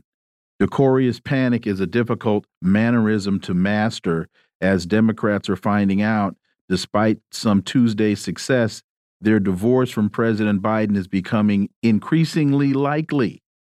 Uh, and, and again, this is so uh, when when you listen to Axelrod, Democrat insider, David Ignatius, Democrat insider. I want to say Ignatius is a is a Clinton guy and Axelrod is a Obama. He was Obama's Obama chief guy. of staff. So yeah. different different elements within the elite of the Democratic realm. Now you've got the starch staunch conservative George Will uh, chiming in as well. Your thoughts, Misty Winston? I, uh, ever since Joe Biden announced his atten- uh, his intention to run again, thought there's absolutely no way he's going to be the nominee. I've been saying it for months. I don't think he's going to be the nominee. I don't know who they're going to run. They don't have very many options. Their bench is not very deep at all. Again, Kamala Harris is that who they're going to run? Queen of word salad? I don't think so. Um, but also, they they run into a situation where if they jump over her, then they look very sexist and incredibly racist, and they know we all know that they can't do that. So but wait a minute. Wait a, a minute. Wait a minute. That's where Gretchen Whitmer comes in. She Yeah, but she's white. no, no, no. But but no, I oh I know that. But no, but here's my point. Here's my point. And I know a lot of black women may get very, very angry with me for saying this. If they replace uh, Kamala Harris with Gretchen Whitmer, black women will be angry, but they will not abandon the party. You don't think? No. Let, let me add one more no. thing to it. Let me add, and here's the kicker. You are you ready for this one, Misty? I'm ready. I'm ready. Kamala Harris is nothing but a piece of the machine. They will come yeah. to Kamala Harris and they'll say, Kamala, shut up walk away and walk away and oh, yeah. smile and say, I want to spend more time with my family. That I have not been influenced anyway. And I'm going to 100% support the new. She will do what she's told and she will direct anybody who she thinks support her that she was not coerced. She was not told she, uh, she's got a bad back. Her feet hurt. She's tired. Her family needs all that stuff. She will be the one who will direct people away away from that. And that was going to be my next point was a lot of it will have to do with how Kamala Harris manages the insult and yes. presents it as this is what's best for the process. And if she is convinced to do so, which won't be hard. No, she's, it won't she, be hard at all. Damn, no. she didn't get two percent of the vote when she ran. Yeah, she'll do what she's told. Uh, no. Missy, I, I, I think I think Gretchen Whitmer is the is the solution to that problem. But go ahead. I think you know you could be you absolutely could be right, and I think you're definitely right about Kamala Harris. There's she, uh, they she wouldn't put up a fight at all. She will absolutely do as she's told. Uh, she is she doesn't think for herself. She never has. I think that she will just go along to get along. There will be no questions asked. Um, I just don't. Uh, I, I it's unfortunate that people would fall for that. Uh, but you know, hey, here we go. Uh, but yeah, I don't think Joe Biden's going to be the nominee. I think the Democrats would be unbelievably foolish to run him again. Uh, now that's not to say that they're not unbelievably foolish. We all know that they are. Uh, I just don't think that, that, that Joe Biden's going to be on the ballot come November 2024. The thing about is is this. Can you I mean, I don't know if you've been paying attention to this guy.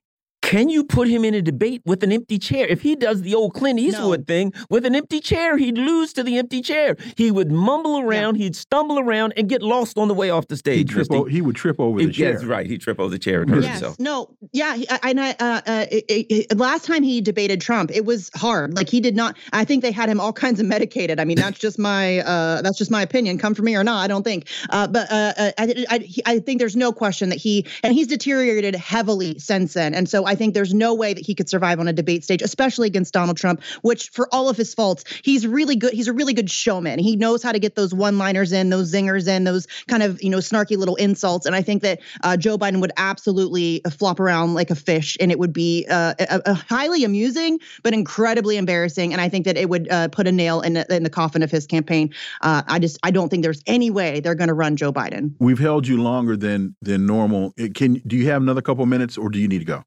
Yeah. Okay, no, great, great. Because there's another there's a uh, a headline here that we, we didn't send you, but Youngkin's disastrous night shows the right's culture war has fizzled. The Democrats' yeah. capture of the state legislature in Virginia last night is nothing short of humiliating for Youngkin, who stated who uh, staked immense political capital on the races by making them straightforwardly about his ambition to pass an abortion ban. Is is it too early to make the claim that the rights culture war has fizzled, Misty Winston? No, I think that that's absolutely accurate. And I think it's not even just the Virginia election that's shown that. I think Ron DeSantis is running a, campa a campaign almost entirely focused on culture war issues, and he is failing miserably. Um, I don't think people care about it that much. I think that there's a, a certain pocket of uh, the population who's super concerned about pronouns or bathrooms or abortion or whatever. Um, but I think most people, as you said earlier, uh, are mostly concerned about the economy, which is in the garbage. Um, and they're mostly concerned about the fact that they don't have jobs, they can't feed their families, they can't afford to take their kid to the doctor. Um, and so I think no, a lot of people are um, I, I starting to get, frankly, rather annoyed by all of the uh, oxygen that the these kind of culture war issues are taking out of the room, where we're not focusing on the things that actually matter. Well, you know, I think it's about my, you know, Maslow's hierarchy of needs, right? If you yes. have the basics, food and shelter and those things, you can think about culture war. I think what happens is as the economy deteriorates, as people are like, I can't pay my student loans, I'm afraid there's going to be a nuclear war. When things get more difficult in the day to day life, people are more concerned with the basic. They go back, they go, they, they, they're, they're, they're go back to food, shelter, basic safety yeah. first. Once that, yeah, we can do the culture wars. And the fact that now people can't can't address the basic food, shelter, and safety stuff means that the culture wars are dead. But should that turn around, which it ain't, I think the culture no. wars could come back at some time in the future. Here's here's one additional thing to consider with that. The the hierarchy of needs, I think you're absolutely right. But in America, when you inject racism into the formula, that changes. Because if you're poor and white and living in West Virginia, it's those Mexicans that are keeping you down. If yeah. if you're if you're poor and white in Mississippi, you see what happens to America when they let men start sleeping with men and and and, and men kissing on men. Uh, they they are able to distract you with the culture. That's one of the major elements of the culture conflict is it's not a substantive argument it's a distraction. Uh, one thing i recall though i'll say this. Bernie sanders I recall Bernie Sanders going doing a um on Fox News, and he went to West Virginia. Yeah, mm -hmm. did this town hall. I saw that. all yeah. Trump people. Yep. Yeah, and he talked to them about economic needs, and he got a standing ovation. Right, because once yeah. people address the economic needs, and someone says, "Oh, wait a minute, this person's going to get me a job and all." So, but again, after Bernie Sanders yeah. left that town hall, did any other Democrats go back into West Virginia and pick up the mantle That's that Bernie point. Sanders yep, had thrown yep, down? Yep, yep. The answer was no. Right. Yeah. So my point is, no, and they're not if given to. the option, they're not going to. Yeah, go ahead. No, they're not. Go- the Democrats are not going to do that because, frankly, culture war issues are used as a divisionary tactic. They're used. Uh, it, it, I always say it on matters of war and Wall Street. There is one party, and they use everything else to keep the people divided. Um, and so uh, th- that's why we haven't seen uh, them deal with the abortion issue in a real way because they want to be able to use it every four years as a weapon. That's why they haven't dealt with any of those issues in mm-hmm. a very real and substantive way because they want to be able to use those things as a weapon. They want to be able, and they want us fighting amongst ourselves. They want to be able to tell tell those poor white West Virginians that it's Mexicans that are the problem. It's not us. It's the Mexicans, obviously. Uh, and so uh, they want us. They want to keep you mad at your neighbor. They want you to think that your neighbor is your enemy, so that they can continue to rape, pillage, and plunder. And that's the game that's being played. I wish more people would wake up to it, but it's just they're very good. They're very adept at the propaganda game. And so yeah, you're right, Wilmer. They will be able to confuse a, a certain percentage of the population uh, and convince them that oh, it's not it's not us that's your problem. We're not the reason you don't have a job. It's those Mexicans. It's those black people. It's those Muslims, it's whatever, uh, and th- that will confuse and uh, uh, and distract a certain percentage of the population. I uh, I do think that that is starting to lose its effectiveness because I think that people are starting to see behind that curtain. Misty Winston, as always, thank you so much for your time. Greatly, greatly appreciate it. We look forward to having you back. Thanks, guys. We'll talk soon.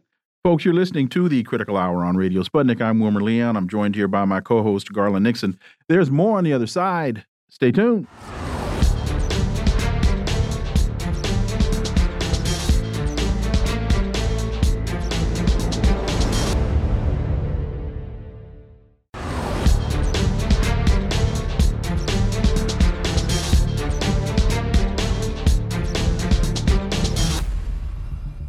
We are back, and you're listening to the Critical Hour on Radio Sputnik. I'm Wilmer Leon, joined here by my co host, Garland Nixon. Thank you, Wilmer. China trumpets Albanese visit as a clear change in attitude. State mouthpiece Global Times suggests Australian leaders' conciliatory four day visit could set an example for other U.S. allies. For insight into this, let's turn to our next guest. He's a peace activist, writer, teacher, and political analyst, KJ Noh. As always, KJ, welcome back. Thank you. Pleasure to be with you.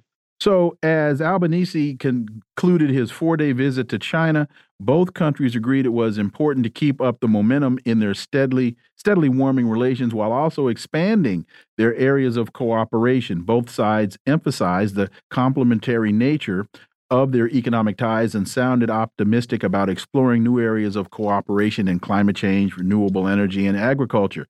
And his trip to China comes on the heels of his trip to the United States. So, your thoughts on all of this, KJ?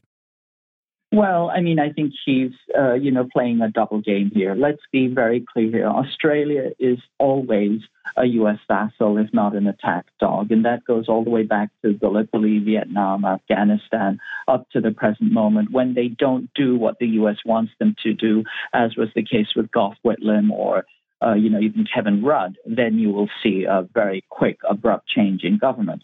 So Albanese is trying to put a brave front on this. There is some warming. You know, this is part of a larger U.S. strategy towards China, which is essentially playing good cop and bad cop, good cop and bad cop.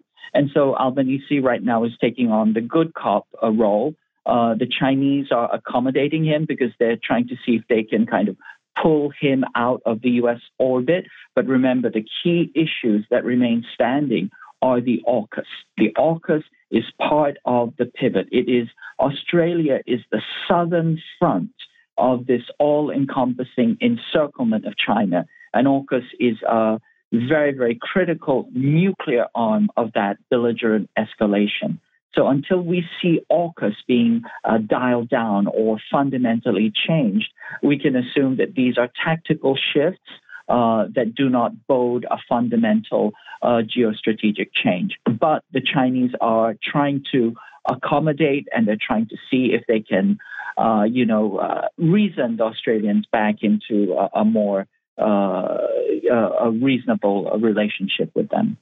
Well, I think also that um, the U.S. may be trying to buy itself some time because the Ukraine debacle is, you know, the Ukraine conflict is turning into the mother of all debacles. And I guess we'd have to say the Middle East conflict is the father of all debacles. I don't know where to go from that because they've got debacle after debacle. And in an election year, maybe they're trying to say, can we set the war with China on the shelf for you know 11 months and then we'll then once we've duped the suckers enough to vote for us vote us back into office then we'll get back to that uh, what do you think about that uh, possibility kj yeah, I think that's definitely what's going on. We see this with U.S. China relations uh, itself, with Gavin Newsom's visit uh, to China, with Janet Yellen's outreach, etc. You know, so there is a kind of an attempt to put it back on the back burner. Let it simmer. We don't want it to boil over just yet. We have our hands full with a full scale genocide that we are greenlighting and supporting. And on the other hand, we have a total collapse of our proxy war in Ukraine. You know, those are a lot of, you know, uh, hot irons to be juggling at the same time. So they want the China issue to calm down a little bit. But, you know, as you point out, it's buying time. These are tactical retrenchments. And unless there's massive change in policy and people, uh, I think that we can assume that, you know, this train is still headed towards the same direction. It's just uh, kind of stopping for refueling. Asia Times reports Putin bringing Kim dangerously out of the cold. Putin Kim summit signal new era of ties that could include joint military exercises to pressure South Korea for supporting Ukraine. You know, this this headline in this article to me gives great insight into where uh, Asia Times really is in terms of the political spectrum, because I think anytime you have dialogue, that's a good time. Uh, in, engagement is always good. It may not necessarily be productive, but it's positive. Uh, your thoughts, KJ? Yes, yes, it's always positive. It's always a good thing. And so I think these articles, you know, give away the game. It tells you clearly that Asia Times has a ideological perspective. But, you know, just to put it into perspective, they're saying that, uh, you know, uh, Russia's bringing Kim out of the cold. Let's be clear here about the history. The USSR liberated uh, Korea. You know, uh, uh, the the leader Kim Il Sung was trained in North Korea. If you go to the North Korean leadership, all the cadres uh, of a certain age speak Russian. You know, the educational system is strongly influenced uh, by Russia. And so, this notion that this is some kind of new and surprising thaw, I think, really just kind of mis- misunderstands the political culture and the political history uh, of North Korea. And also, it's important for people to realize the USSR and now Russia have been anti-imperialist. So this this isn't some new developing mindset or ideology. They've been uh, anti-imperialist. They have a Patrice Lumumba University, I think, in Moscow. I think it's in Moscow. And they have a border with North Korea. KJ, we got about Absolutely. a minute. Yes, no, they've been completely and totally anti-imperialist, and this is simply a you know a continuation of their relationship, and also it's a geostrategic balancing. That's why they went to the Cosmodrome. That's why they want to balance against the U.S. Space Force, which is now participating in Korean moves, uh, South Korean moves against North Korea and also uh, they are uh, counterbalancing against South Korea's uh, delivery of munitions and technical cooperation, military cooperation with uh, Russian uh, uh, opponents, namely Poland and Ukraine. KJ Noh, as always, thank you so much for your time. Greatly, greatly appreciate that analysis, and we look forward to having you back. Thank you. Always a pleasure. Folks, you're listening to the Critical Hour on Radio Sputnik. I'm Wilmer Leon, joined here by my co host, Garland Nixon. There's more on the other side. Stay tuned.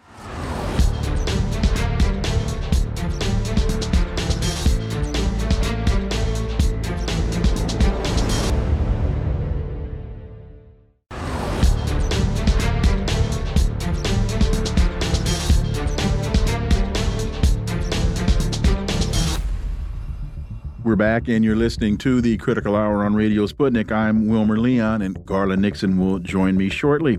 There's a great piece in Truthout entitled "Assange Freedom May Be Pivotal." Pivotal. Easy for you to say. Pivotal in Australia's support for U.S. Cold War with China. Australian cooperation with the U.S. Cold War against China is not a slam dunk. For insight into this, let's turn to My next guest, she's a professor emerita at Thomas Jefferson School of Law, former president of the National Lawyers Guild, and a member of the National Advisory Boards of Assange Defense and Veterans for Peace, and the Bureau of International Association of Democratic Lawyers. And she's the author of this piece.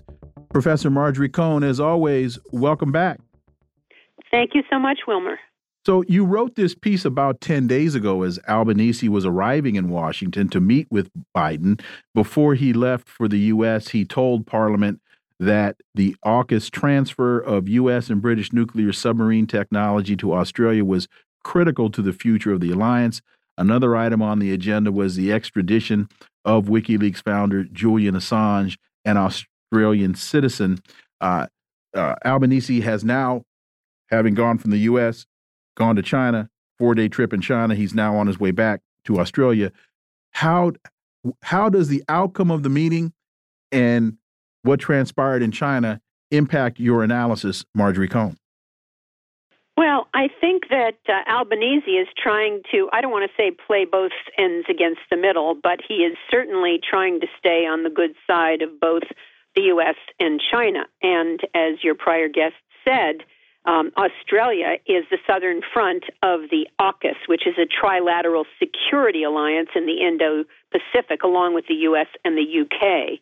And Albanese's government is firmly opposed to the prosecution of Julian Assange because Julian Assange, uh, the journalist publisher who is facing 175 years in prison if he's extradited to the U.S., and convicted of crimes under the Espionage Act for revealing evidence of U.S. war crimes.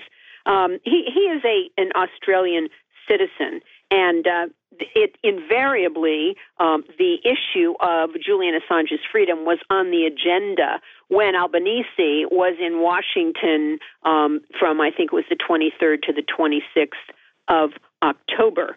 Um, ninety percent of Australians think that Assange the case against Assange should be dropped. He should be returned home to um, to Australia.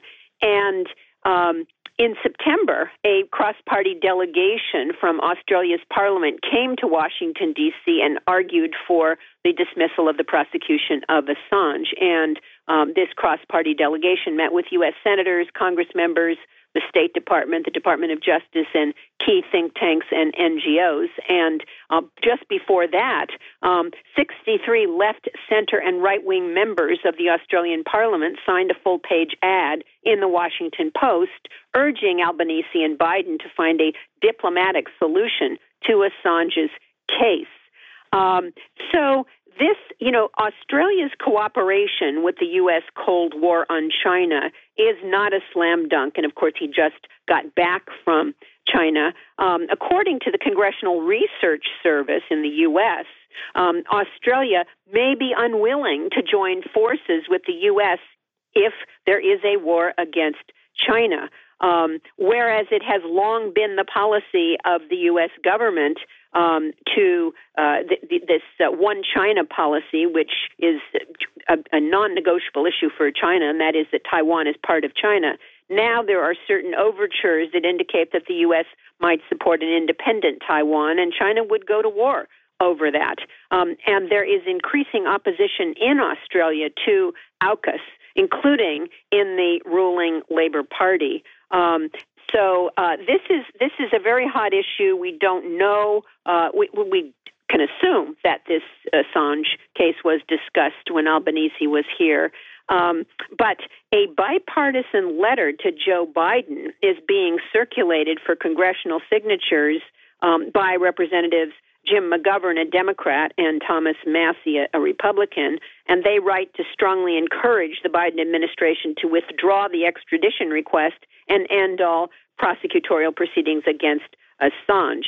That letter now has 16 co sponsors, and in the Senate, Rand Paul is apparently circulating a, a parallel letter. So there's also pressure within Congress, and there has been pressure all around the world demonstrations um, and letters and petitions, even the New York Times um, and Der Spiegel and Le Monde and The Guardian um, have come out in favor of dropping the Espionage Act charges against Assange.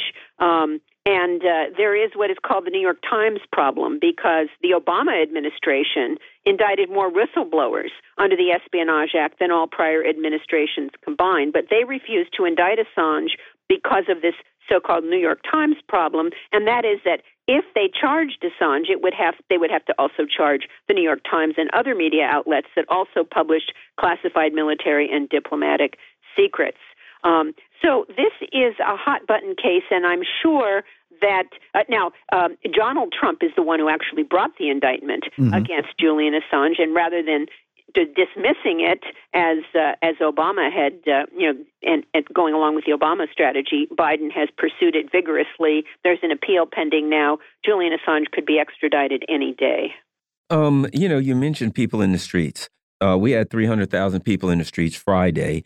And I tend to think that with the heat that um, the Biden administration is getting over their horrific Middle Eastern policies, which you've uh, very, very adequately addressed recently, I might add, um, that they're going to be less likely to bring Julian Assange to extradite here, him here in light of that and bring themselves one more problem. Your thoughts? Because then there'll be 500,000 people protesting in D.C. Hope so. The problem is that the way that the Democratic Party has spun the Assange case, um, they make it sound like Julian Assange was single handedly responsible for Hillary Clinton's loss to Donald Trump, which is absolutely not not the case. Um, the the uh, things that Julian Assange is charged with is the 2010-2011 revelation that um, Chelsea Manning had given to WikiLeaks um, of U.S. war crimes in Iraq, Afghanistan, and uh, and Guantanamo, and that has that that message unfortunately has not made it into the corporate media. It is um, well covered in the alternate media, um, your station, and uh, you know Truthout, which I write for, and, and other places. But uh, Biden is, especially with Biden, the poll numbers showing that Biden Biden's losing to Trump. Trump is under four indictments, 91 criminal charges, and Biden is is lagging behind. And in California, an incredibly blue state that you know went for Biden uh, with no problem, Biden's support has gone down, and part of that is his policy of supporting Israeli genocide in Gaza. A lot of young people are have want to have no part of Joe Biden, um, and it appears to me that the Democratic Party is going to have to wake up and smell the coffee and uh, and come up with another candidate because Biden is going to get slaughtered. Uh, of course, if Trump is convicted before now and then, it might be a different ball game. Anything could happen, but um, I think it's going to be a purely political decision on Biden's part, even though supposedly the Department of Justice is independent from the White House. Um, but you know that Joe Biden is thinking politically, and his decision, or the Department of, of Justice's decision, Merrick Garland, the Attorney General's decision on what to do in the Assange case, is going to be motivated purely by politics and not by law at all, I'm afraid. We have just about 45 seconds. What do the Democrats do if they replace Biden with somebody else? You've got a new candidate, but the policy remains the same based on the support that these ridiculous policies are getting in Congress. Got 30 well, seconds. Of course, but um, the the guy on the front line now, you know, being seen, uh, you know, coochie cooing with Netanyahu, you know, embracing him like a brother, is Joe Biden, mm -hmm. and that Gaza war may still be going on. They still may be slaughtering Gazans by in one year. Hopefully not, but I, you know, all bets are off. Um, so whoever is running is not going to have the baggage that Biden does vis-a-vis this unconditional support during this genocide. Let us pray. Marjorie, Professor Marjorie Cohn, as always, phenomenal pieces in Truthout. We always appreciate you giving us time out of your busy schedule. Greatly appreciate your analysis. And as always, we look forward to having you back. Thanks so much. Thank you. Folks, you've been listening to the Critical Hour here on Radio Sputnik. Thank you for allowing our voices into your space. On behalf of myself and my co host, Garland Nixon, we hope you were informed and enlightened. And we look forward to talking with you all right here tomorrow on Radio Sputnik. Be safe. Peace and blessings. We're out.